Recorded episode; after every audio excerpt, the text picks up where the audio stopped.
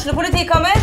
Ine Jansen er purk. Er du purk? The motherfucking bitch. Alt jeg vil, er å finne ut hva som skjedde med mannen min. Jon Carew. Er jeg sikta for noe? Iben Akeli. Det er du. Ole So, Lars Berrum og Big Daddy Karsten. Hvem sin side er du på, egentlig? Anette Hoff, Tone Danielsen, Kommer du fra Afrika?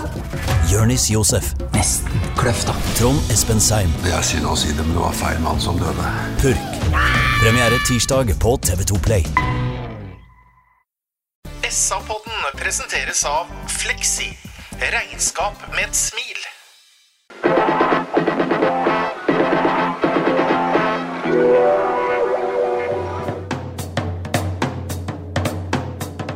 Sarpsborg Arbeiderblad gir deg en ny episode av SA-podden med Sven René Nygård, Øystein Weber, Petter Kalnes og Bjørn Inge Bingen Nilsen. Hallo og hjertelig velkommen til en ny utgave av Sarpsborg Arbeiderblads podkast om fotball, nemlig SA-podden. Det er mange som sier mye rart om eh, den innledningen jeg har når jeg introduserer disse guttene i eh, studio, men i dag så er det helt eh, overlegent, syns jeg, da. For 9.9. er det 40 år siden Norge spilte en av de mest ikoniske fotballkampene. Nemlig kampen mot England på Ullevål i 1981. Tor Østefossens Norge mot Ron Greenwoods hardt prøvede England. Bjørge Lillien gikk av bananen, som husker. Dagsrevyen ble for første gang avbrutt av noe så trivielt som fotball. Og For å hedre disse heltene fra 81 så henter jeg litt inspirasjon da når jeg skal uh, presentere dagens trio. For her sitter en hardøps av en Beck. En mann som spilte med hjertet på utsida av drakta. Akkurat som Mosse-spilleren Svein Grøndalen fra Raufoss. Hei, Svein. Hei. Ja, nå knakk ikke jeg noe bein, tror jeg, men det gjorde vi i Grøndalen, gjorde det ikke? Han knakk benet til Ralf Edstrøm. Du Ja. knakk eh, Du sparka knakk en del andre ting. Du knakk en del andre ting. En del, ja, en del andre ting. Nestemann er jo helt over eh, er helt eh, greit og lett å plassere. For Norges keeper i 81. Han var lang, han var god, han var fryktløs. Han var en overraskelse i lagoppstillingen Bingen. Og så var han dagen etterpå tilbake som jobb, på jobb som murer. Bare noen timer etter eh, matchen. Og bortsett fra den murerdelen, så var jo du både svær og fryktløs og god. Hei, Bingen. Hei, hei, hei. Nå lurer sikkert mange lyttere på hvem du skal sammenlignes med Øystein Weber. Helt sikkert. Og Ja, det var det som sto i mål i den Jeg sa ikke navnet, det var Tore Antonsen fra Ja, det var det det var. Ja, Tore Antonsen fra HamKam. Sorry at jeg ikke sa det. Men hvem i alle dager skal vi sammenligne deg med, Øystein? Nei, Det blir opp til deg, sjefen. Ok, Da tar jeg han som er, eh, var det mest sindige kanskje på hele Norges lag i 81. Han løp ikke fort. Han løp desto mer klokt. Vidar Davidsen. Vidar Davidsen var ikke på banen. Har du et tips til noe, Øystein? Nei, altså, Det er første gangen poden har åpna med en quiz, eh, Ja. gutter. Så Men jeg legger jo vekt på ordet klok, og da er det selvfølgelig midtbanemannen Anders Giske fra Kristiansund. Jeg han var en benknekker, han òg, jeg som spilte defensivt. Men Han Han kalte du spilte som Anders? en av tre på midtbanen. Anders Anders Giske. Og så må, Giske. du må ikke spørre om det, du må vite det. Ja, men Giske vet jeg jo Så hvem er. kasta vi deg ut av denne Nürnberg. Er Nürnberg. Jeg eh, kunne godt tenkt meg å bli sammenligna her bli nevnt i samme setning som mine barndomshelter eh, Einar Aas eller Åge Hareide. Men som dere vet, så er jeg materialforvalter i denne podden. Og den materialforvalteren som satt på benken for Norge i 81, han hadde gjort det i over 30 år. Nemlig Erik Kristiansen fra Sandefjord. Nok svada over til virkeligheten, eh, Bingen. Sarpsborg 08, Sandefjord 5-0. Nå klarer jeg ikke å tille deg og gjøre deg irritert, vel? Eller? Nei, i dag skal vi bare være glad. Eh, 5-0 eh, hjemme, det er vel ingen som hadde trodd at skulle skje. Eh, uansett eh, hvor i form eh, enkeltspillere er, så var jo det her helt, eh, helt eh, suverent. Øystein, det var, en, eh, det var mange glade mennesker som gikk hjem fra stadionet i dag. ja da, du ser at dette betyr veldig mye for mange. Eh, Det er en veldig lettelse i byen i kveld, og det, det skjønner en jo. For vi har jo snakka på inn- og utpust om hvor viktig det er at vi fortsatt skal spille eliteseriefotball her i byen. Og i dag så tar vi et eh, et veldig langt steg i den retningen. Vi, det er fortsatt bare en kamp, og det er mye som gjenstår. Det er veldig viktig å presisere. Men denne serierunda her, den ser ut som han går eh, veldig i vår eh, favør. Og nå går han og så vidt puster litt med maven i kveld. Fotball handler mye om selvtillit, eh, Sven. Det er ganske god følelse å gå inn i et landslagsopphold med 5-0 i bagasjen. Ja, det, det, er helt fantastisk. Altså, hvis du ser på de få jeg snakka med etter kampen, de, de strålte jo av lykke i ansiktet, og de, de, de, var, de, var, letta. Og det er som jeg sier, altså, det er hele byen, klubben, alt 5-0. Nå har vi bedt i negler i hver eneste fotballkamp de siste rundene. Eh, vi har klora til vårt poeng, vi har kjempa med nebb og klør. Så går vi og vinner 5-0, av i kampen i første omgang. Og eh, rett og slett koser oss utpå der, så det var helt formidabelt. Det var en litt merkelig førsteomgang, eh, Bingen. Eh, for Sandefjord er virkelig med på noten når det gjelder banespillet. De har ballen mest. Eh, spiller 4-3-3 mot Sarpsborgs 3-5-2, noe som gjør at at wingbackene til Sarpsborg blir rene bekker. Mm. Som har spilt i realiteten en 5-3-2-formasjon. Tror du det var sånn det var meningen at uh, Sarpsborg skulle opptre? Jeg eh, elsker å være uenig med trenerne, for jeg hører at Lars Bohin sier at det var kampplan. Det er eh, det er vanskelig å ha høyt press i en uh, 3-5-2-formasjon. Men uh, jeg uh, syns, etter min mening og hva jeg observerte, så syns jeg at det var et lettbent teknisk Sandefjord-lag som uh, gjorde oss tunge. men Lars Bohin mener at det var kampplan. Jeg tror ikke det. Eh, det er min mening, Lars Bohinen, så den får du ta. Men eh, jeg tror den pressa oss eh, bakpå. Men det gjør ikke noe, så lenge vi slår ballen i lengderetning og er så fantastisk gode på overgangsspillet som Saletros, Molins og Kone er er på de to første måla. Det er egentlig helt fantastisk. Det er jo sånn som f.eks. Haaland ble god i Salzburg. Det er sånn de spiller i Dortmund. altså De ligger bak og så eksploderer de i lengderetning når de erobrer ballen. Når vi først har skjønt at det her går an, så må vi bare utnytte det nå til de grader i resten av sesongen. For det her er eh, vanvittig deilig å se på. Og Forsvaret spiller jo egentlig veldig stødig, og vi holder nullen bakover. Ja, for Det er et poeng det også, Sven, at uh, den perioden der Sandefjord virkelig er med, så er det bunnsolid defensivt. Ja, ja. Og jeg forstår hva Bingen mener. Jeg forstår hva Bohin mener. Det, det kan være at det her var planen også. For som jeg sier, det er jo akkurat, De visste jo at når Sandefjord får lov til å styre den ballen der sånn oppe på vår banehalvdel, så vet de jo at de rommene kommer. Og det er jo det de utnytta i dag. Så det her kan jo selvfølgelig ha vært hele planen hele veien. Og det her skjedde jo flere ganger i annen omgang også. Det er klart, Jeg var kjempeskrai før kampen i dag, jeg får si det rett ut. Fordi jeg er imponert enormt, eller blitt imponert av det Sandefjord-laget. De har spilt offensiv fotball. De var i Bergen. De kjørte jo over spillemessig Brann der oppe, selv om ikke det er, eh, de har vært veldig gode i år. Men de, de, altså Sandefjord har vært gode i år. Det er et bra fotballag. Du kommer aldri verden til å rykke ned, selv om de taper 5-0 på stadion i dag. For uh, i dag kom ketsjup-effekten til Kone, og det er ikke alle lag som har en sånn spiller som kan gjøre det der en gang til. Det var et slags stikkord, eh, for vi må bruke mye tid på Ibrahima Kone i dag. Eh, vi har jo snakka om at han har vært mye feilvendt. Han har ikke fått disse bakromsballene, og også at han har vært veldig alene. I dag så er det jo det motsatte som skjer. Da. Ja, og igjen da så får en jo på en måte understreka hvor mye som uh, kall det sitter mellom øra. For det eneste en nesten nesten forventer etter hvert at Kone ikke kan gjøre, er å fly. Altså, han går jo omtrent på vannet. Han lykkes jo med, med alt han gjør. Og, og, og, du ser jo at uh, selvtilliten uh, vokser i takt med det.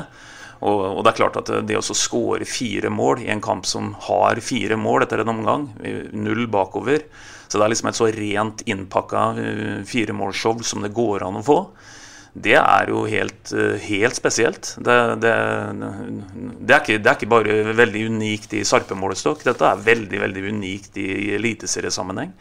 Så eh, jeg sitter ikke med noe statistikk på hvor unikt det er, men dette kan vi telle på én hånd eller en finger, kanskje, eller to. Hvor ofte har skjedd, altså. Helt fantastisk. I hvert fall uansett en en Sarpsborg-historisk begivenhet når det gjelder fotball. At du gjør fire mål i én kamp, og spesielt da i én omgang. Og så er det fine avslutninger, Bingen. Eh, Jakob Storevik, Sandefjords keeper, han, han blir på en måte utfordra både med at han går forbi den, eh, altså Kone dribler den nå, han skyter høyt, og han legger den ned i hjørnet. Så det er gode avslutninger.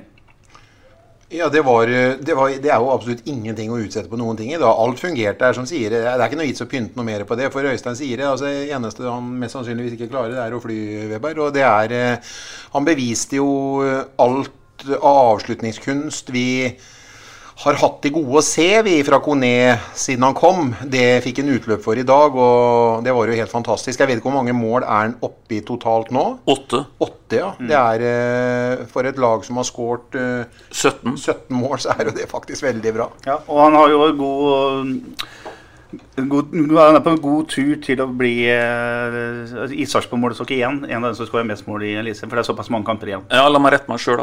Vi har skåra 18 mål. Men det er jo som jeg er inne på her, å skåre 8 av 18 mål, det begynner egentlig å bli en, en statistikk som Det er ikke vi veldig bortskjemte med. 8-9 mål har liksom vært et litt sånn magisk tall for Sarpsborg-fotballen, med unntak av da Mortensen var på sitt absolutt beste. Vi slet med å få tak i noen folk som skåra tosifra. Det vil jo naturligvis Kone gjøre i år, forutsatt at uh, vi øh, beholder den. Ja, det skal vi snakke mye om uh, senere, for det er et uh, en, en innspurt i overgangsvinduet de nærmeste dagene som blir veldig spennende. Men vi kan stoppe i det 14. minutt, da, da 1-0-skåringa kommer. Det starter med at uh, Guillermo Molins er dypt nede på egen banehalvdel og viser bare en sånn der, eh, majestetisk ro med ballen før han finner Vetti, som står direkte opp på Kone. Og så er det klikk-klakk, klikk-klakk. Saletros til Kone, og, eller eh, Molins til Saletros. Treffer etter hvert Kone alene med keeper og et goal. Et eh, praktfullt eh, mål. Syv minutter senere, eh, 2-0 etter 21. minutt. Igjen er eh, Molins veldig sentral. Prøver å drible, eh, blir stoppa. eh, Men ballen går via en Sandefjord-spiller og til Kone, som står foran keeperen og setter den i kassa. Men i en situasjon der, på 2-0 der, så blir Molins eh, skada. Eh, litt eh, sånn déjà vu til det som skjedde sist han var her, eh, Sven. Han har jo visst nå hvor viktig han er for dette laget. Ja. Vi får håpe han ikke er lenge ute. Nei. Og han, når jeg sa jeg etterlyste poengspillere, så var det en sånn type Molins, for han er en poengspiller. Du har selv sagt det han har stått bak allerede før skaden der. og vi får virkelig håpe at han, øh, øh, ja, at han kommer seg mye fortere enn vi kan frykte. Da, for det, det så du de minuttene han var på banen. Altså, Tenk på all den oppmerksomheten Kone har fått i tidligere fotballkamper.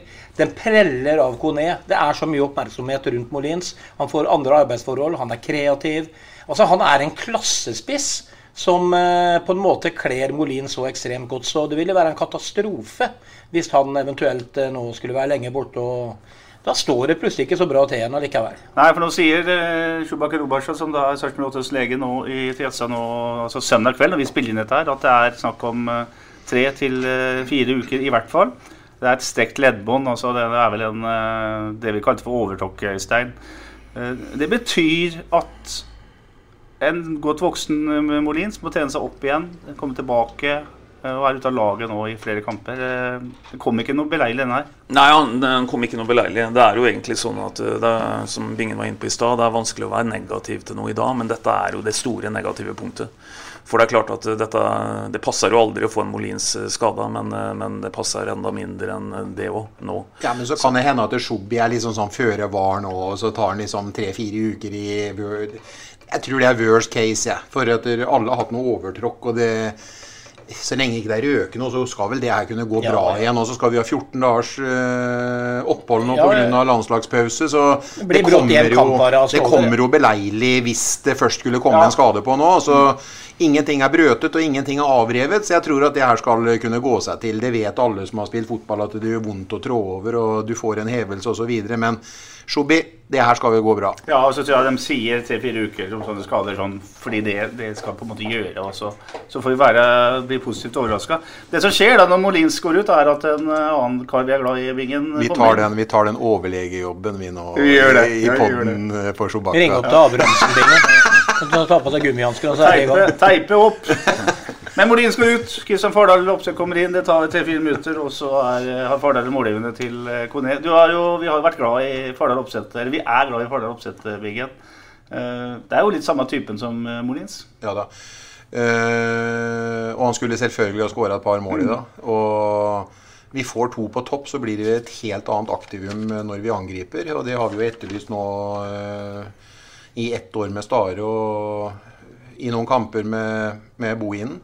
Det er ikke noe tvil om at der, eh, det er lettere med to spisser, og at vi får flere folk eh, foran ballen, og at vi eksploderer i lengderetning på en helt annen måte fordi at vi har flere oppspillspunkter. Så det kommer til syne. Fardal eh, Oppsett er jeg ikke redd for. Hadde han ikke kommet til sjanser og hadde han snitta og bomma, så hadde jeg skjønt at det skulle vært et faresignal. Men så lenge han kommer i posisjoner hvor han får avslutta, så er det bare et tidsspørsmål før det gir uttelling. Du ser jo måten han avslutta på. Det er kontant med bredsida. Det er balansert. Det er millimeter utafor. Det er in instinkt. Så det her var ikke noe sleivspark. Han var bare bånn sikker på at han skåra to. Det gjorde han ikke da. Han kommer til å bøtte inn mål hvis han må spille utover. Ja da, og så er det jo sånn at Vi snakker om at mål preger fotballkamper, men mål preger jo også hvordan vi kan uh, bedømme en fotballspiller. Og I dag så er altså Fardal til sammen et par desimeter fra å skåre to, pluss den målgivende. Mm. Og, og, hadde han gjort det, og det er bare tilfeldigheter, uh, da hadde vi jo sittet her og hylla Fardal for en kamp hvor han kommer ja, ja. inn som innbytter og skårer to og legger opp til ett. For øvrig kan jeg si det, uh, Petter, at for første gang på det jeg kan huske, så, så satt jeg i svingen bak det målet i dag. For eh, Sven og jeg satt på langsida, og Sven har sånn engelsk hud vet du, som er veldig sånn solumfiendtlig. Ja. Så vi fikk for mye sol på oss. Så, så Sven og jeg vi gikk bort i, i svingen til fossefallet. Så vi, så vi, ser de to sjansene der på veldig veldig nært hold. Og det er bare tilfeldigheter at ikke Fardal i dag setter to, i tillegg til den målgiveren han har. Og som sagt, da får du en karakter høyt høyt oppe på skalaen. Spiser han chips og drikker øl og sånn også nå, eller gjør han ikke det? Ja, Det får nesten svare på sjøl. Gjør det det? Nei. Nei, det var, det var det jeg regna med. Det er andre som tar seg av. Ja. Eh, det var Svein Mathisen som for første gang sa det at dette, denne pasningen var så flott at det skal vært hengt på veggen i glass og ramme. Den utskipasningen til Jonathan Linseth til Kone på overtid første omgang, den er av den kategorien der. En makeløs pasning. Vekta. Kone på løp, og det er 4-0, Sven. Det der er, eh, syns jeg er fotballkunst. Ja, det er fotballkunst. Og, det, det, det, er liksom, liksom, rart etter kampen. her, som jeg sier. Vi har sittet der nede og bitt i negler. Vi har kommet til lite sjanser. Vi har missa på dem vi på en måte har skapt, som har vært ganske store. I dag skårer Kone på alt. En Sandefjord-spiller stusser den i tverrliggeren og inn som et sjølmål. ikke sant? Eh, Fardal Opseth har kommet inn, skåra på alt. Han bomma på alt han fikk i dag. liksom. Alt var så var litt merkelig da. Men, men jeg tror sånne type kamper og, og sånn fotballkunst som du sier der, og den, ikke, for ikke snakke om bare det at laget skårer så mange mål at enkeltspillere gjør det, det er uvurderlig, altså. Det her, eh, det her, kommer de til å dra med seg utover. Nå vet de at dette går an. Husk på det. Vi har sittet og snakka med 0,88 mål i snitt. Så panger inn fem i nettet på hjemmebane i dag. Tenk deg hva det gjør med gruppa. Ibrahima Konesen går av første omgang som sistemann. Eh, med henda over huet og til tabbeklapp. Eh, der fikk stadion eh, om det ikke en, han har vært helt før, men nå er han liksom hjertet deres. Jeg tror ikke jeg opplevde maken. Ja. At det går av en spiller, og han blir først klappa av den langsida han går av, på motsatt side. Så reiser hele den kortsida seg og klapper han bortover hele den sida der. For å avslutte æresrunda på hovedtribunen. Så, så, ja, han fikk den hyllesten han fortjente i dag. For det han gjør i dag, er makeløst. Ja. Men du så gesten hans òg, hvordan han tok opp emblemet og kyssa og holdt på og klemma med det. Og sånt nå gjør og mye med supporterne. Mm. Og så er dette en, en spiss som jo Thomas Berntsen har, eh, om ikke haussa opp, jeg har satt veldig høyt uh, bingen. Uh, nå fikk han endelig liksom den der utløsende faktum Jeg også skåra mye mål. da. Eh, for han har, ikke, han har, jo aldri vært noen notorisk målskårer, men det her kan jo gjøre at ketsjup-effekten eh, slår inn her òg. Ja, men det er, det er, litt sånn rart. Jeg sa det vel til deg. Jeg, til, jeg satt og prata med Morten Thomassen før, før kampen i dag òg. Jeg var på onsdagstreninga og torsdagstreninga, og jeg syns Kone Jeg forveksla han og Karen Boko litt. Jeg syns han har blitt skjarpere i kroppen. Uh, han er slankere. Han var helt rå på onsdags- og torsdagstreninga. Eh, og at det kom mål i dag, det var liksom nesten sånn som sånn, det var å se, se i stjernene. For eh, han har vært eh, det, det, har vært noe i Den uka som har vært nå, så skarp har han ikke sett den siden han kom til, eh, til byen. Jeg har tro på ferdighetene hans hele tiden, men at du skal skåre fire mål i en kamp, da er du liksom udiskutabel. Og hvis du da skåra 8 av 18 så er det egentlig veldig bra. Det er ikke noe tvil om at 08 at Berntsen har truffet på, på spissvalget. da. Definitivt. Jeg har lyst til å trekke fram en annen noe som jeg også synes, som jeg i tillegg til Kone syns er knallbra på trening om. Jeg syns Saletros på en måte har heva seg voldsomt. Eh, I dag nå spiller han altså høyre inderløper i en trio på, på midten, eh, Sven. han, han får brukt uh, ferdighetene sine mer på offensiv banehalvdel, syns jeg. Han uh, tar også en del løp uten ball, så havner en del inn i boksen. Det ser ut som det indreløperrolla passer han. Ja, ikke noe tvil om det. Men det uttalte han vel selv til dere og Petter. At han får, får, lov til å komme høyere i banen med tre på midten, så kan man gå på de løpa. Altså når de spilte med to sentrale, og han var en av dem, så kunne de ikke bare dra over det på samme måte. Og du, du, ser jo at han Eller vi har jo bestandig sagt at han er kreativ, og det, det er han jo. Eh, og vi syns jo det var helt motbydelig periode hvor han var nede og henta foran egen 16-meter. Men nå får lov til å være der oppe. Han får lov til å slå de forløsende pasningene. Får lov til å komme til avslutninger, får lov til å skåre mål. Gutten blir glad. Klubben blir glad, gutten presterer. i Det Det er mentalt, det òg, ikke sant? Han, han, er i en posisjon på banen som han trives i. Og det er jo helt tydelig at han trives mye mye mer i den rollen enn de har gjort det tidligere. Mm. En annen som er kommet med for fullt igjen, er Gaute Wetti Stein. Det er imponerende. Han, er lenge ute, kommer inn og tar nivå, vel så det. Ja da, vel så det, som du sier. Han er en klassespiller. og Jeg legger merke til i dag hvordan han skaper seg oversikt i alle situasjoner. Hvordan hodet hans går som et periskop, og han har hele tida neste trekk i tankene. Og hvordan han blir spilla opp, og, og, hvordan han vinkler den pasningen der videre til en, til en medspiller, og gjerne ofte på ett touch. og det, det, altså, Gaute Vetti han har stoff i seg til å bli eh, landslagsspiller. Han. Og så tør man spille på han eh, når han er markhjelpingen. Han mister ikke, mister ikke ball ofte. Jeg vet du hva? Det satt jeg faktisk og tenkte på sjøl i dag òg. For jeg ser at det, til og med fra bakerste ledd, mm. fra Utvik i dag, så går det gjennom ledd på bakken. Og de tør å spille opp. og på Gaute Vetti for, fordi at en vet at den ballen sitter til føttene hans. Så det er ikke noe tvil om at hans inntreden i laget har vært positivt nå. Jeg syns også han har blitt litt tøffere i valget sine. Han slår mer framover i banen. Ja, jeg skal ikke klage på han i dag etter en, eh, en 5-0-seier, men jeg kunne ønske at han hadde slått enda flere sjansepasninger. Ja, for det er på en måte det som øh, kanskje en sitter og Hvis en skal liksom peke på noe i dag, da, så var det enorme rom øh, bak Sandefjord i dag som en fikk lov til å stå veldig høyt, og valgte å stå veldig høyt. Og du snakka i stad om å slå en sånn Linseth-pasning som gjerne kan ramme sine henges på veggen. Men i dag så burde en egentlig ikke Det er fint med en perfekt vekta pasning inn i bakrommet, men, men, jeg satt med følelsen i dag at i dag så hadde også en ganske uh, unøyaktig pasning inn i mm. bakrommet mm. uh, kunnet skapt noe. Mm. For, for der, lå, der, lå en uh, Kone som hadde etter hvert en selvtillit som vi har snakka om, og, og, lukta på, på det. Ville gjerne ha enda mer å jobbe med, og, og er jo hurtig. Så, så, i dag så lå det jo virkelig til rette for at det kunne bli helt ras på slutten der. Men, men for all del, altså. 5-0 og to helt hårfine bommer av, av, av vår venn Oppsett. Det er jo bare Dette tar vi og bare takker for. Ja, jeg skulle ta dem tre bak. Vi kan, eh, vi kan jo bruke ett minutt på det, og Bingen. Et overraskende laguttak, spør meg, at Ben Karamoko ble vraka etter hans fantastiske kamp mot Godset.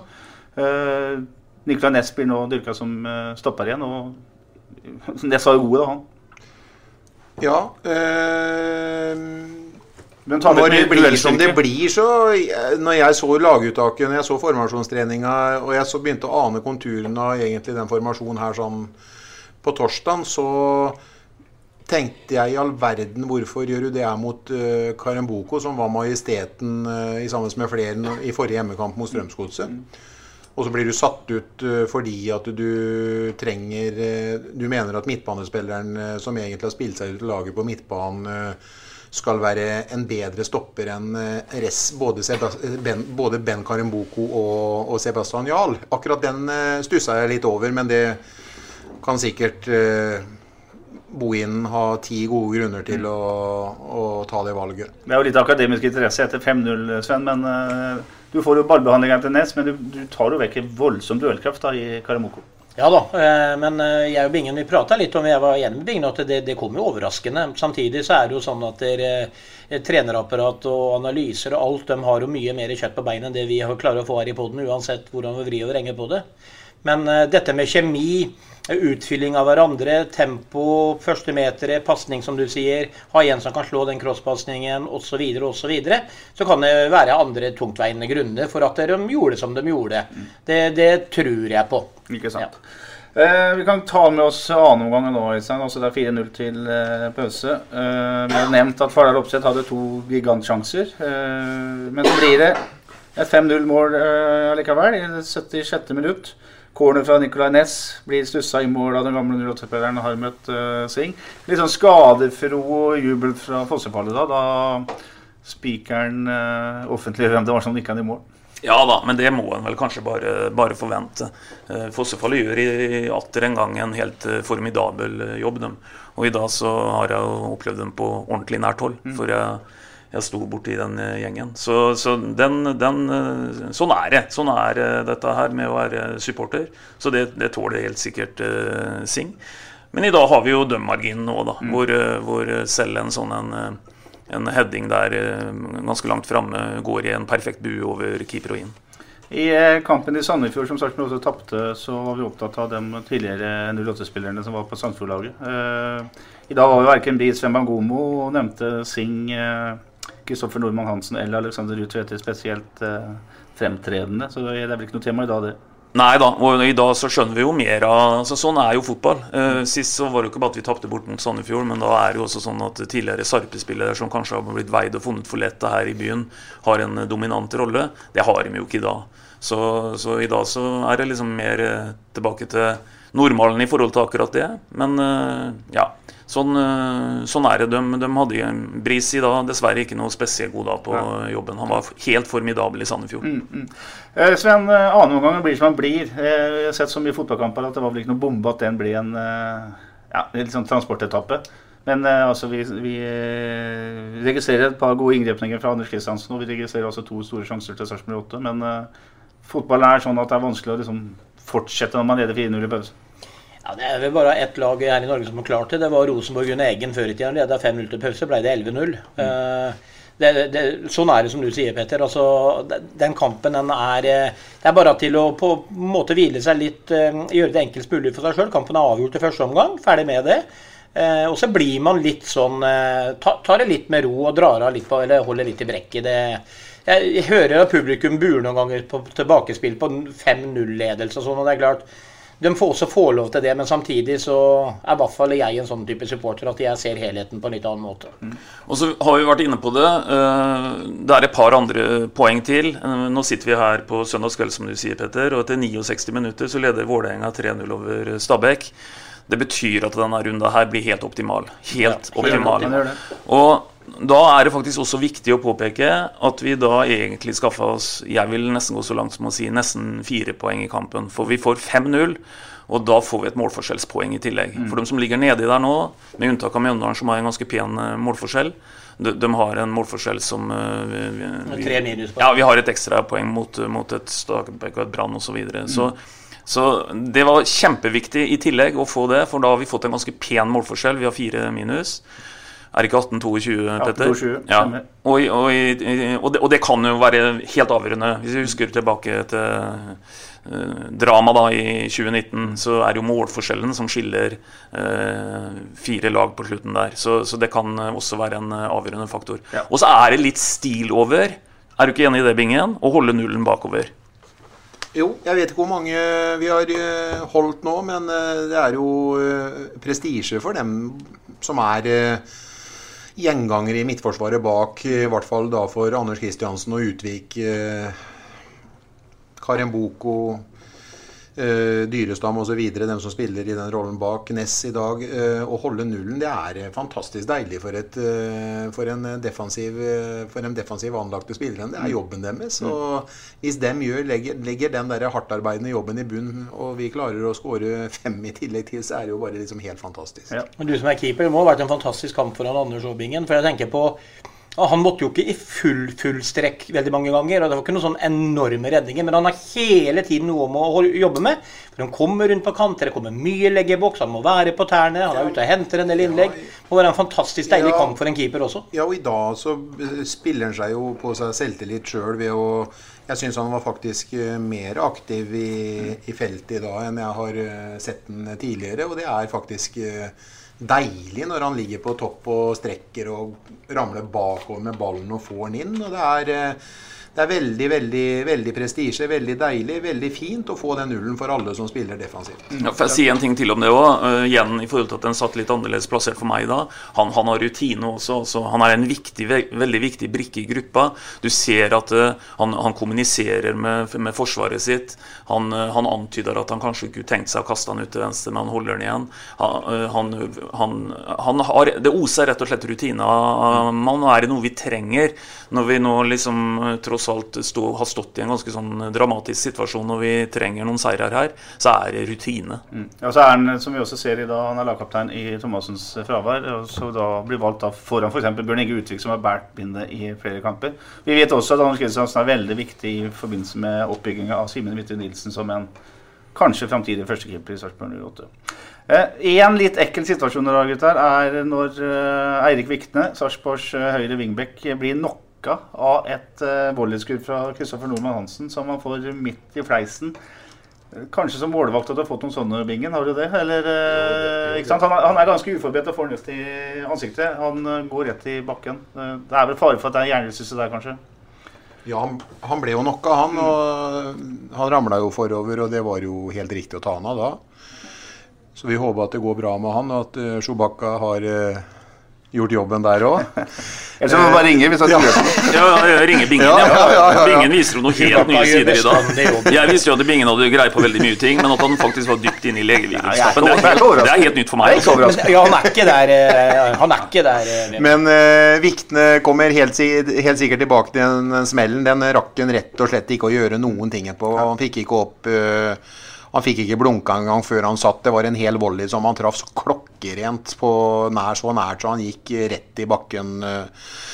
Veldig synd, men eh, når den skaden skjedde, så må jeg jo si at sjelden lekent, lekent Sjelden har jeg sett Ole Jørgen så leken i år som han var når han kom inn og tok den rolla til Viktene han ble jo helt huggeren, han som han spilte mot. For Ole Jørgen var for, foran og brøt og gled litt og hadde egentlig veldig kontroll. Måtte justere seg inn litt på avleveringene sine, men Ole Jørgen kom inn og gjorde og bidra til at den, den 5-0-seieren her, her ble, ble, så deilig i kveld. og ikke noe, Skal ikke undervurdere jobben til Ole Jørgen i dag når han kom inn for Vikne.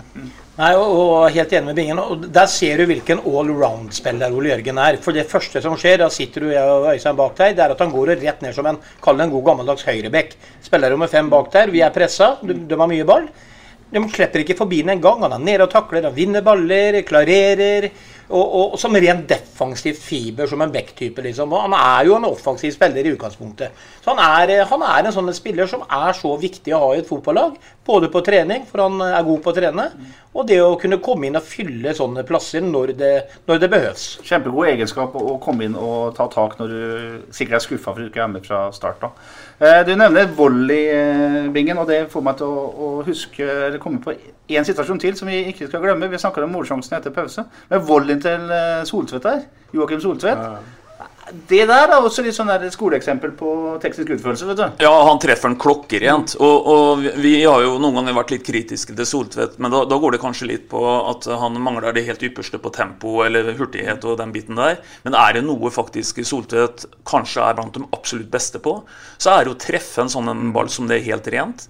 Og det er bare tilfeldigheter at keeperen ikke slipper inn den. Det, det, det er hårfine marginer at ikke den glir under den. Og, og avslutningsteknikken hans er, eh, er eh, rett og slett uh, fotballens ABC. Det. Ja, det er det. Og som Knut Urban Eggen alltid snakka om når de skulle skyte volley, var å ha kontroll på hvor du har armene dine. Er dem over, vei, over huet, så går den ballen til himmels. Men han hadde full kontroll på kroppen sin på det volleyskuddet. Bra gjort av Solseth. Ålreit, vi lar kampen være kampen, gutter. Det ble 5-0, og vi er veldig veldig fornøyd med det. Vi skal snakke litt om ting som har skjedd de siste dagene, for det har skjedd veldig mye. F.eks. så var det to stykker som debuterte for Sogndal i eh, førstedivisjon på lørdag. Emil Pålsson og Steffen Lie uh, Skålevik. Begge er vel på lån ut eh, sesongen. Skålevik starter med skåring i en kamp som Sogndal eh, taper, riktignok, men Vel ikke veldig spesielt at de Eller overraskende at de to er på Eller er lånt ut.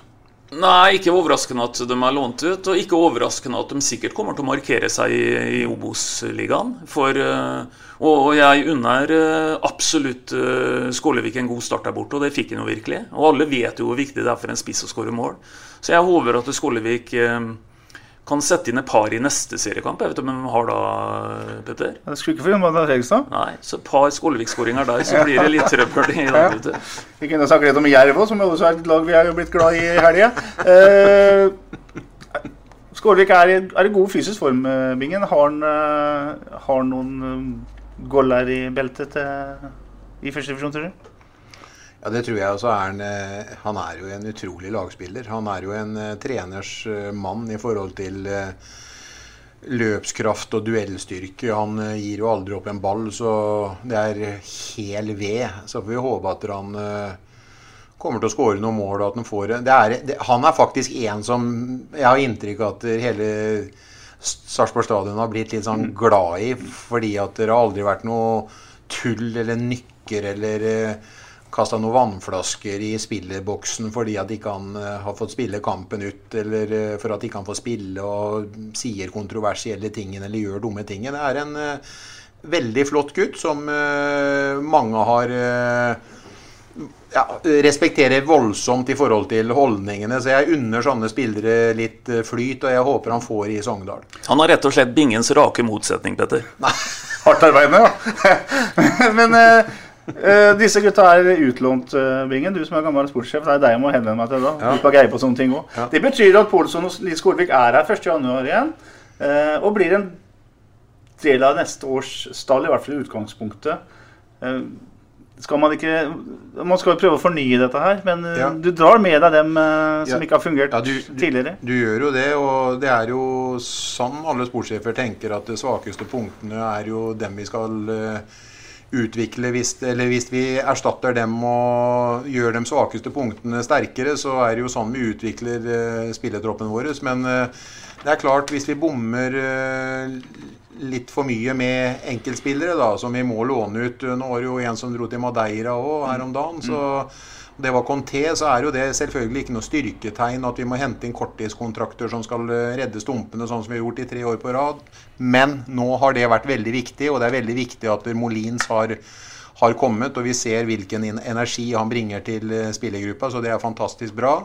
Det har kommet en, eh, en kroat, en Dario, som vi stifta bekjentskap med i et kvarter i dag. 20 minutter kanskje òg.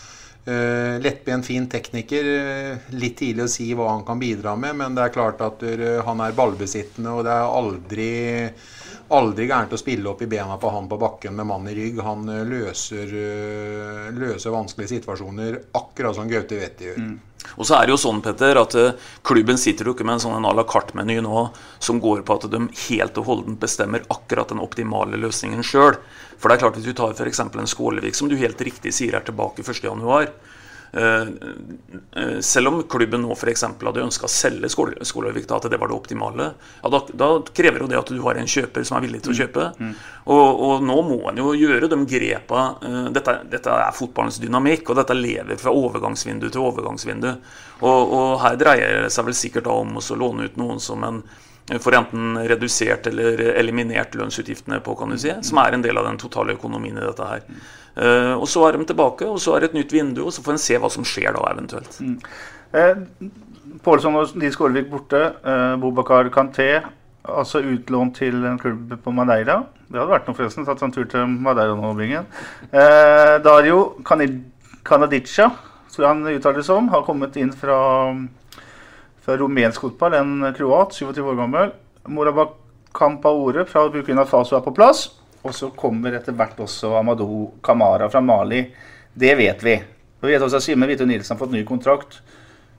Men fortsatt så er det vel mer hvis vi snakker om å spille Øystein, i forhold til det Berntsen har snakka om. Det kan fort komme flere. Jeg tror uh, det kommer til å skje mye, jeg. Ja. Uh, jeg vil si det sånn at uh, i fotballens verden så er fra søndag kveld til tirsdag midnatt nå en evighet. Mm. Det kommer til å skje veldig mye i norsk fotball de neste to døgna. Og det tror jeg også impliserer Sarpsborg. For uh, det er ikke for uh, ingenting at, uh, at det snart kommer noen sendinger med deadline day på tirsdag, og, og, folk sitter til midnatt der og, og, venter. Og da er gjerne kommer noen avklaringer, gjerne fem på, bokstavelig talt. Mm. Sven, vi kan ta de mest aktuelle, eller mest interessante Sarpsborg 8-spillerne for andre klubber. Vi kan begynne med Gaute Vetti. Vi vet at Bodø-Glimt har lagt inn ett bud, fått det avslått kommet med et nytt bud som Thomas Berntsenfold ikke har, uh, har, kommentert noe særlig. I intervjuer i, i dag etter matchen så syns jeg det, vi kan lese at kanskje Vetti er sugen på en tur til Bodø. Eh, det er jo et, eh, et, steg opp, i hvert fall sånn som fotballen har blitt, eller norsk fotball har vært de siste to åra. Er det sånn at når sånne bud kommer fra en klubb som har mye penger, at til slutt så må selgende klubb bare si ja, nå får vi dem, så Får vi de millionene, så får vi dette gå? Ja, eh, i hvert fall når det gjelder 08. Det er jo blitt bevist flere ganger når det rette budet kommer. Eh, jeg intervjua jo Vetti etter kampen og jeg så inn i øya på når jeg prata med han. og Ut ifra svaret han ga meg, så sitter jeg med sterk følelse at han tror jeg, hvis jeg skal gjette, da, han er tapt for 08. Men da får vi noen gode kroner inn på konto igjen. Og så får vi liksom begynne å diskutere dette her da om eh, Kan vi gjøre det nå? Hadde vi tapa i dag, så hadde det vært helt krise. Men nå har vi fått en liten luke. Men jeg tror han forsvinner. Men da både tror, håper og regner jeg med at Berntsen og de gutta de er framme i skoa nå. Eh, og må ha noen backup-løsninger. For eh, det er klart at hvis Kone har vært på leppene til agenter før i dag, så har de helt sikkert fulgt med på kampen. Kjære store, allmektige skaper. Eh, skal vel mye til om ikke han forsvinner det er redd. Og For å prøve å analysere det litt, da, Petter, hvis vi tar en Vetti først, i forhold til er det sannsynlig at han går, ja, det er veldig mye som taler for det. Eh, det som først og fremst taler for det, det er at Bodø-Glimt har nå penger til å handle. De har gått videre i Europa, og, og vil, det vil materialisere seg i noen titalls millioner. Det er opplest og vedtatt. Det andre, som kanskje er et underkommunisert eh, poeng, men som jeg tror er minst like viktig, det er at en Kjetil Knutsen i Bodø-Glimt han er det nærmeste du i Bodø nå kommer en slags sånn fotballgud. De har truffet ekstremt godt på spillelogistikk under hans eh, regime.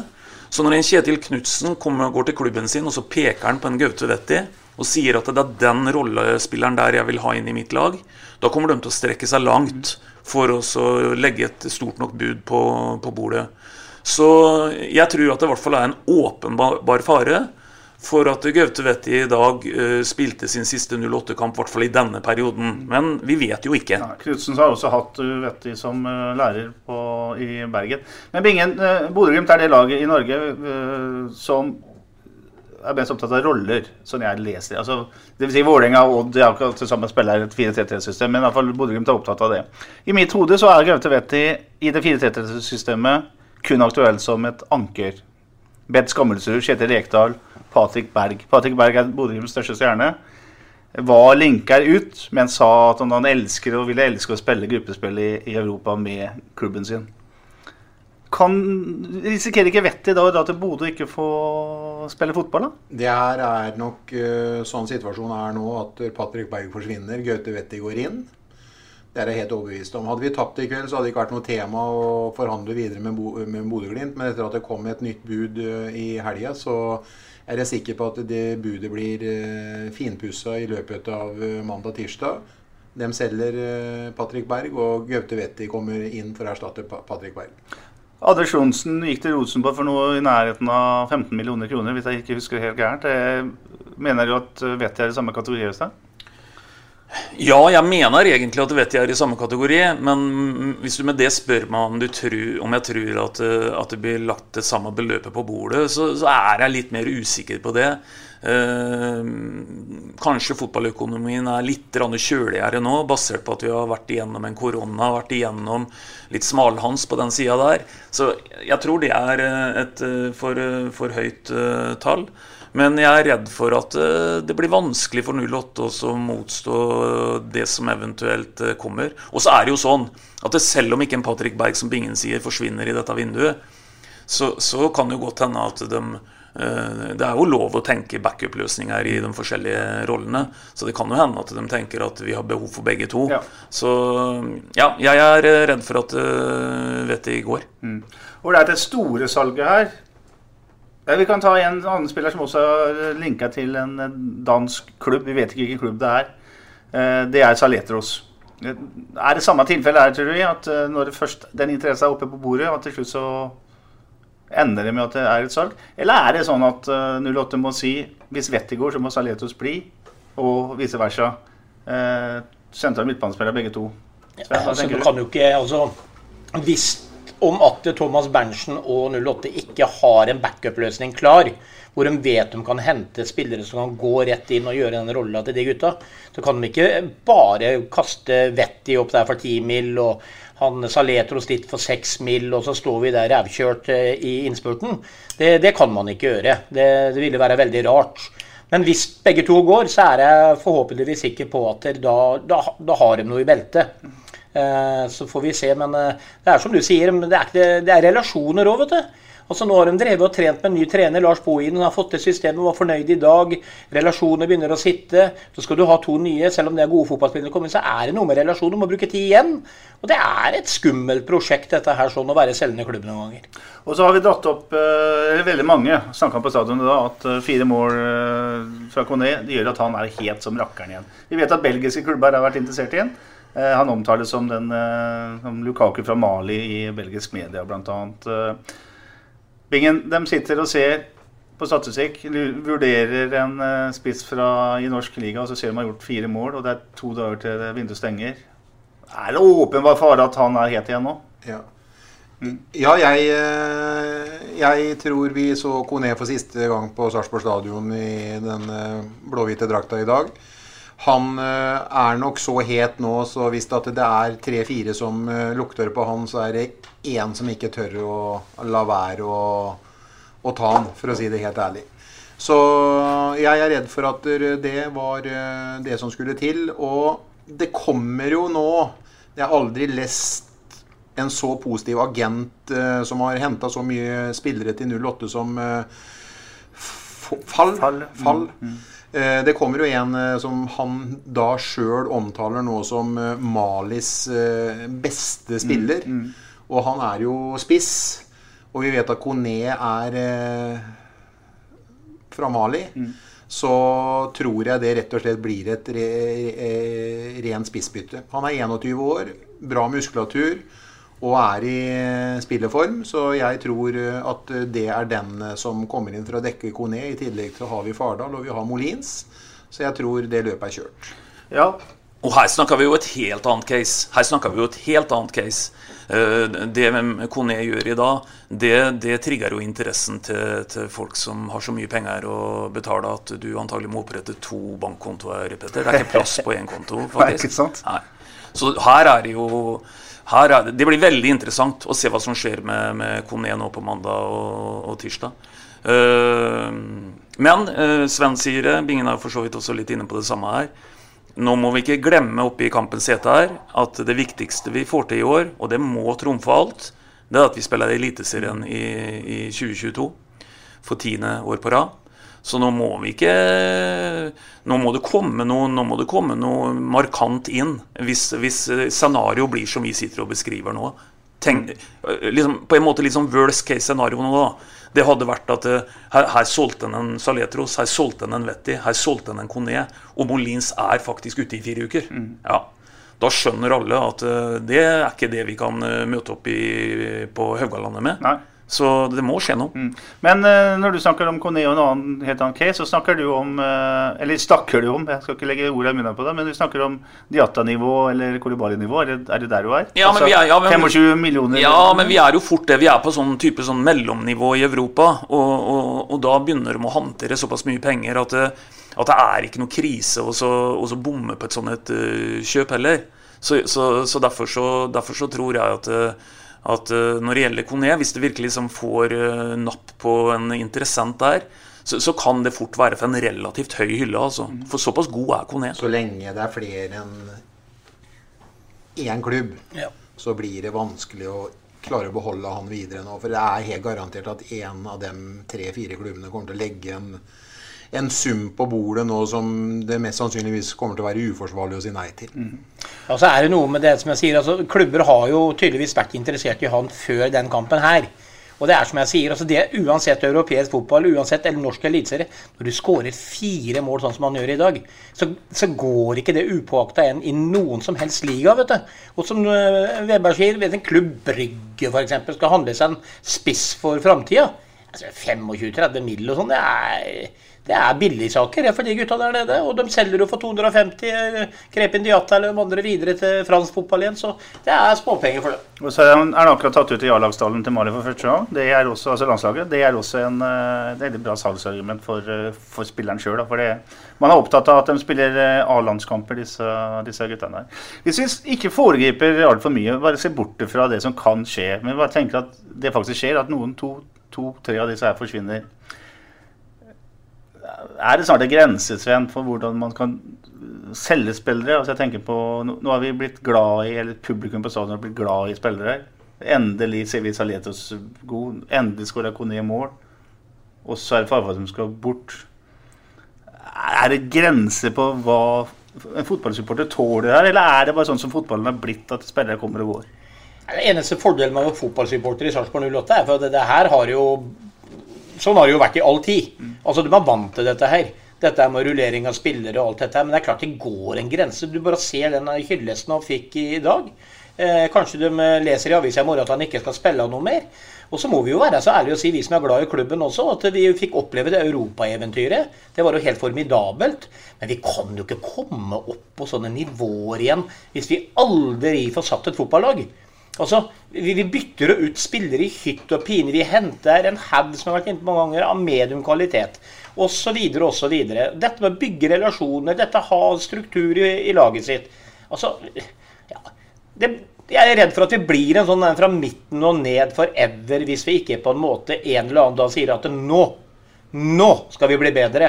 Nå satser vi litt. Infrastrukturen på stadion er basert på spillersalg. Det er jo altså den uh, 08-delen av tribunen er jo en sånn Kleppen Diata-tribune, kan du fort si, Øystein. Eh, det viser hvor viktig det er. da. Ja da, men, men, for å svare Svein kom jo med et langt svar her på om det går en grense. Jeg kan komme med et kort svar. Ja, det går en grense. ikke sant? Det er ikke noe tvil om at det gjør det. Men, men, men samtidig så er det sånn at Uh, rent økonomisk Du sier vi sitter og spekulerer litt, og det gjør vi jo i høyeste grad nå. Og så er det litt morsomt å spekulere, spesielt i den fasen vi er i nå. Det er to døgn til det stenger.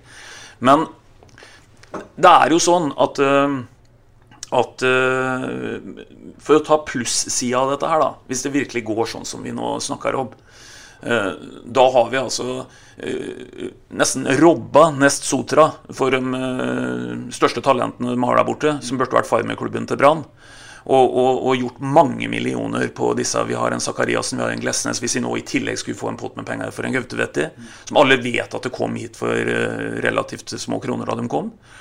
Og, og, det er ikke sånn heller at den har gitt veldig mye for en Kone. Eh, det er jeg helt sikker på. Eh, og så vet jeg ikke akkurat hva vi snakker om, men det er ingen tvil om at hvis det går som vi nå kan kanskje spekulere litt i, understreker det, så, så, er det også noe som, eh, som, i forhold til prisen inn og prisen ut er en havig forskjell. Så det rent økonomiske her, det er bare å gratulere med, eventuelt. Men det må gå hånd i hanske med at vi også har et lag som leverer på sport. Og, og minimum i år å øh, greie å holde seg i Eliteserien. For, for selger vi oss nå til et nedrykk i dette overgangsvinduet her, så, så, så, så vil det være blytungt, altså. Så vil det være blytungt.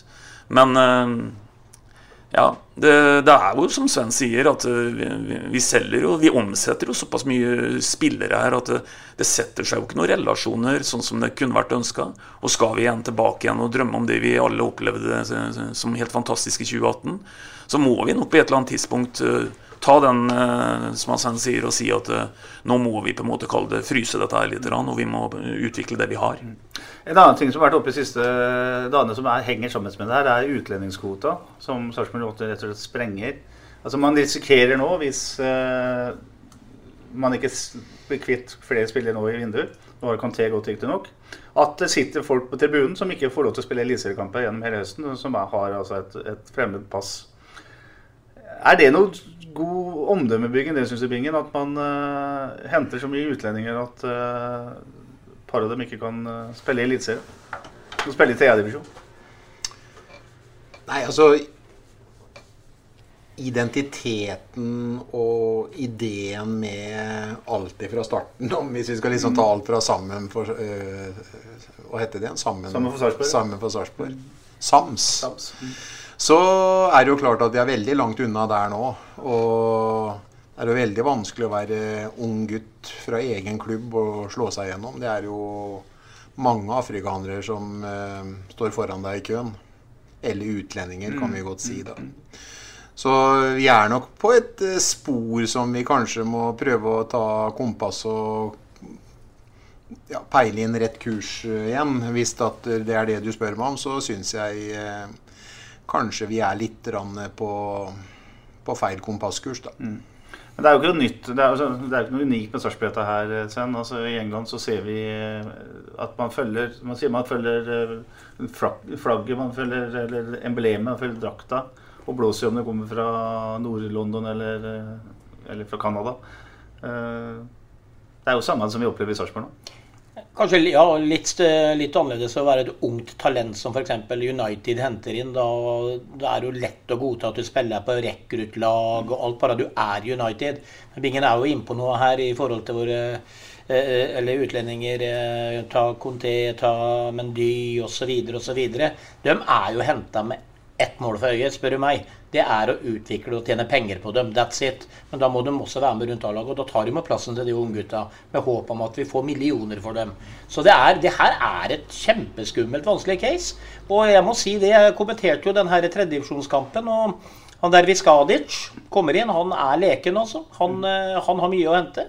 Og så skal jeg være så bånn ærlig og si at alle de andre unggutta Jeg kan ikke være i nærheten å se for meg noen av dem på A-laget på lang tid. Men jeg, jeg, har lyst til å si det at vi har på en måte dekka oss uh, godt med Vi har, ha, hatt alibier uh, i orden i forhold til Joakim og mm. Eh, Jokke Jørgensen før han stakk til Start, og han har vært ute både i, i Sverige og i Viking osv., så, videre, så vi kan ikke kanskje helt regne med han. Men si Magnar og Ole Jørgen, da, i tillegg til. Og så hadde vi Jørgen Strand som en distriktsspiller mm. Mm. i fjor. Halden er vel ikke akkurat et Det er, i hvert fall en by i, i Viken. Mm. Så, men hvem skal ta opp arven etter Ole Jørgen og, og Joakim Thomassen og, og Magnar? Der der ser jeg ikke akkurat noen nå. Derfor var det veldig gledelig for meg nå at der, ja, Vittu Nilsen eh, signerte, som er en mm. Tistdalen-gutt, og som de da, da, mener noe med skal ta arven etter Anders Kristiansen. For det er jo sånn det er ment nå, at mm. han skal uh, for jobben med å skolere han uh, i sammen med Holtan som en uh, kommende keeper for oss. Mm. Så der får vi også en distriktsspiller. Og så skal vi passe oss for at det ikke blir sånn at, uh, at vi, vi, får et omdømme som er det motsatte av kan du si, å sette unge mennesker i sentrum og utvikle seg og bli gode lokale. For det er klart at det er lett å tenke seg da at hvis du hadde vært ung og lovende, så har du kanskje mer lyst til å knytte deg til akademi til Stabæk f.eks. enn akademi til Sarpsborg. Mm. Og, og, og, det vil være skadelig på sikt mm. hvis, hvis, det blir sånn at uh, unge talenter egentlig ikke ønsker seg til Sarpsborg, for en ser at uh, det, er en for lang og brokete vei for å få seniorerfaring. Mm. Så, så, det er absolutt uh, verdt å løfte en litt sånn advarende pekefinger mot det. Juniorlaget har gått kvartfinale for øvrig gjennom. Det er jo et bevis på at det ikke er så ille hakkende gærent. i hvert fall. Men Øystein, jeg har lyst til å før vi avslutter akkurat denne delen av diskusjonen vi kommer til å komme tilbake til, jeg har lyst til å spørre om forretningsmodellen det er å hente unge afrikanske spillere, utvikle dem og tjene penger på dem. Hva syns du om den, eh, ja, den modellen her? Ja, Det må i så fall gjøres med kløkt. Det, må, det, må, det, og det, er ikke sånn at det, ikke sånn at det kan gjøres i kall det et for stort volum. Det er ikke sånn at vi kan det er ikke sånn at vi kan reise til et annet kontinent og så ta med oss mange, et tosifra antall, og så håpe at én slår til. Som det sikkert statistisk sett ville gjort. For det vi må være veldig veldig tydelige på, og da er vi langt inne i en ny omdømmediskusjon, det er at uh, henter vi en ung afrikaner til Sarpsborg, så har vi et kjempestort ansvar i forhold til å ta vare på den eh, personen dette her gjelder. Og da er egentlig fotballen i det bare en liten bit i det. Uh, så, så, jeg forutsetter, uh, hvis en, hvis en følger den modellen som du beskriver, At en tar like godt vare på å kalle det et bomkjøp som en lykketreff, eh, som menneske rundt dette her. Eller som minner om noe vi ikke vil bli sammenligna med. Så, og jeg har ingen grunnlag for å si at eh, ikke Sarpsborg har vært eh, gode på det. Men da må de fortsatt, eh, fortsette å være gode på det. Og dette får på en måte være litt som kall det krydderet i forhold til at det er et fåtall vi snakker om, og at en har den connection der. Det, det kan være bra, det. Men en har et kjempestort ansvar i forhold til det, og det ansvaret må klubben ta. Og det gjør de helt sikkert også. Jeg tror også det, og jeg tror også at uh, Sarpsborg har gått, uh, godt omdømme når det gjelder i det miljøet der man henter uh, altså blant agenter, på at man tar vare på, på spillerne sine. Så det, det, er positivt. Vi skal avslutte den altså, overgangsdiskusjonen, igjen. Dere kan få litt, litt spørsmål alle tre. Ikke hvordan det går mot Haugesund, men hvor mange av dem som spilte i dag, er, har spilt i siste kamp for Sarpsborg 8? Eller hvem, da? Jeg tipper på, jeg tipper på to, jeg. Ja. Eh, og da tipper jeg Vetti og Kone. Mm. Bingen. Kone, Saletros og Vetti, og så håper jeg det at der, uh, Hans Petter Arnesen og Espen Engebretsen hører på sendinga, så sier de det at, der, at nå skal faen ikke podden og Bingen få rett. For en gangs skyld. Ja.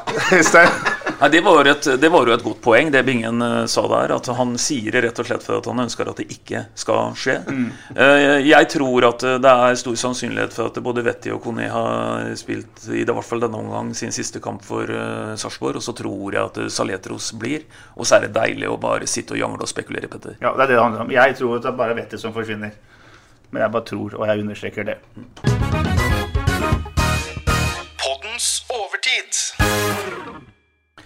I dag var det 2724 tilskuere på Sarpsborg stadion. Uh, mer eller mindre nøyaktig 1000 færre enn det man hadde mulighet til å slippe inn i den uh, koronasituasjonen uh, vi er i. Og Dette er ikke noe unikt for Sarpsborg, at man sliter med å fylle opp tribunen. Det skjer også andre steder. Vi har hatt samme diskusjon bl.a. i Fredrikstad og i Fredrikstad Blad.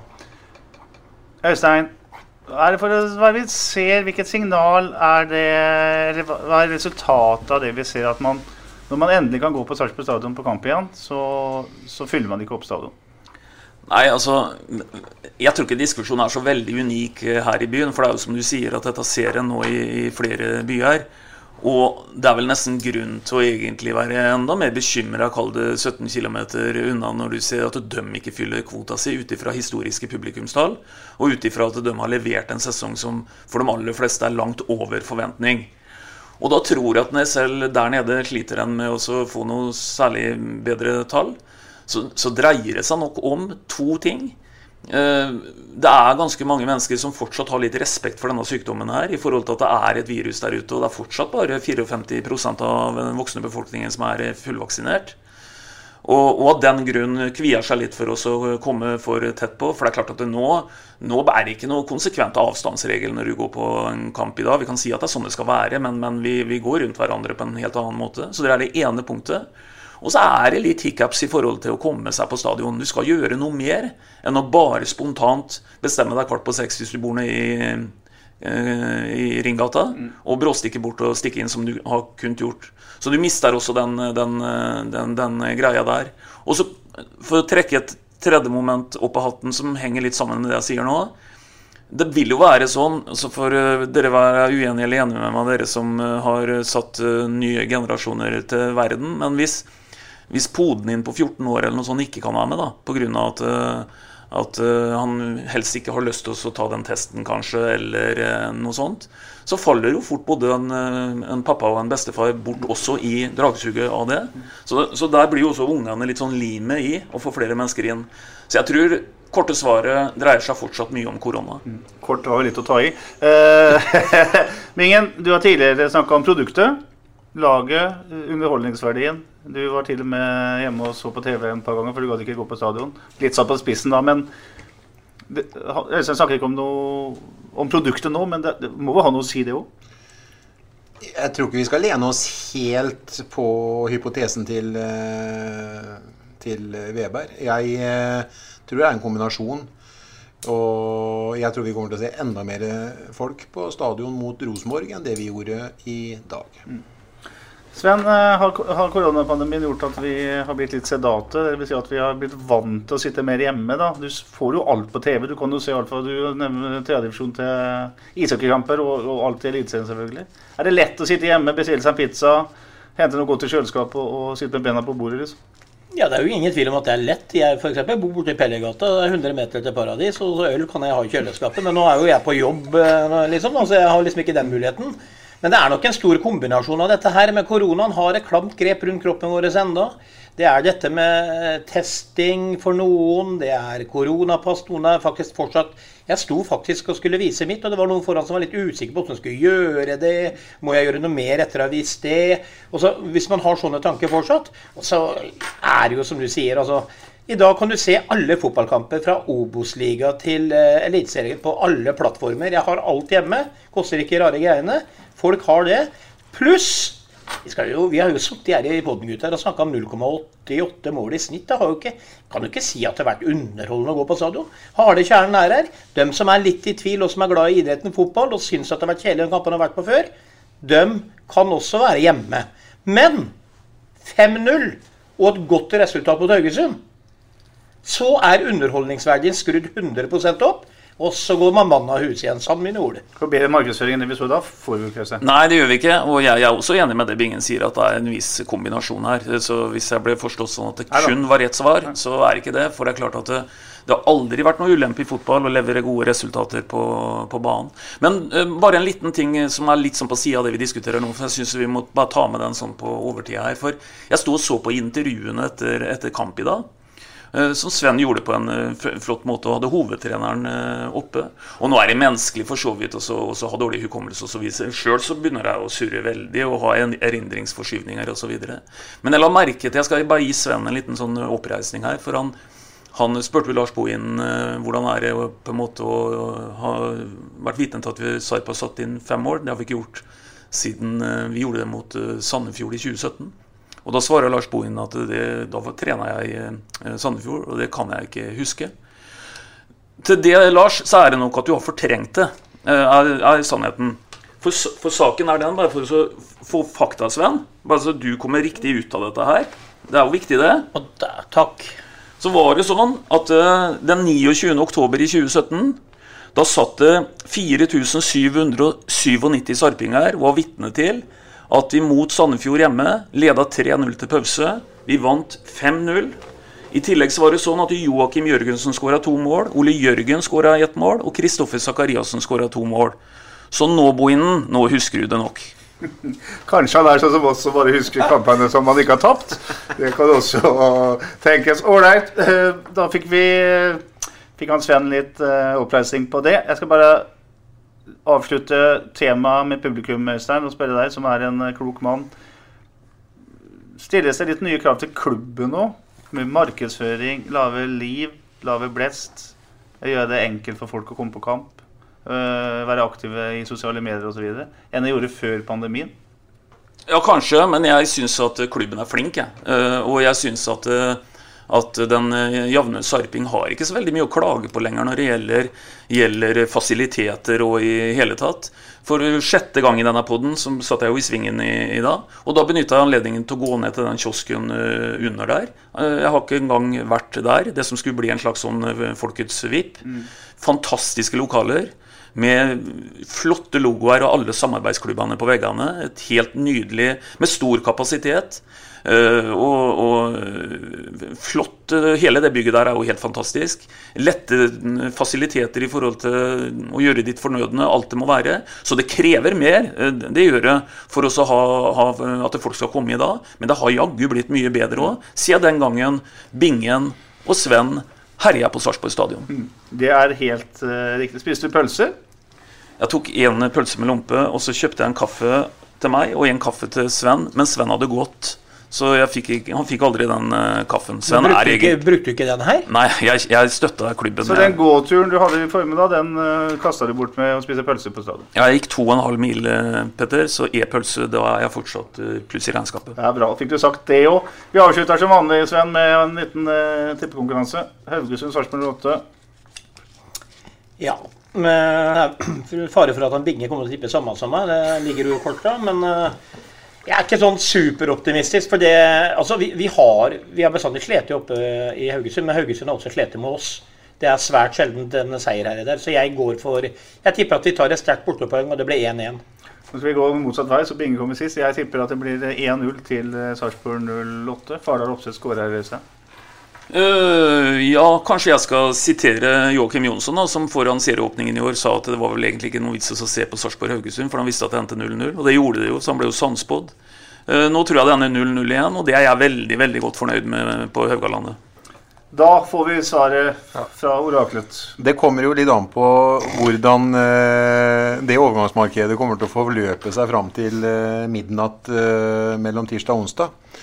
Men eh, blir det A, så blir det 0-0. Og hvis det blir B, så blir det 1-1. Bare hørt noe dummere. jeg har ikke hørt noe dummere. Og da beklager jeg, kjære lyttere. du får jo velge én! Du må ta A eller B. Da beklager jeg, kjære lyttere, at vi avslutter med en så mye svada som det ble nå. Vi er tilbake etter Haugesund-kampen. Og jeg er veldig glad, for Sarpsborg 8 har slått eh, Sandefjord 5-0. Heia Sarpsborg 08! Ja, vi prekes. Vi prekes. SA-podden presenteres av Fleksi. Regnskap med et smil. Ukens annonsør er HelloFresh. HelloFresh er verdens ledende matkasseleverandør og kan være redningen i en travel hverdag. Mange av oss har nok vandret i butikken både sultne og uten en plan for middagen, som ender med at vi går for de samme kjedelige rettene gang på gang.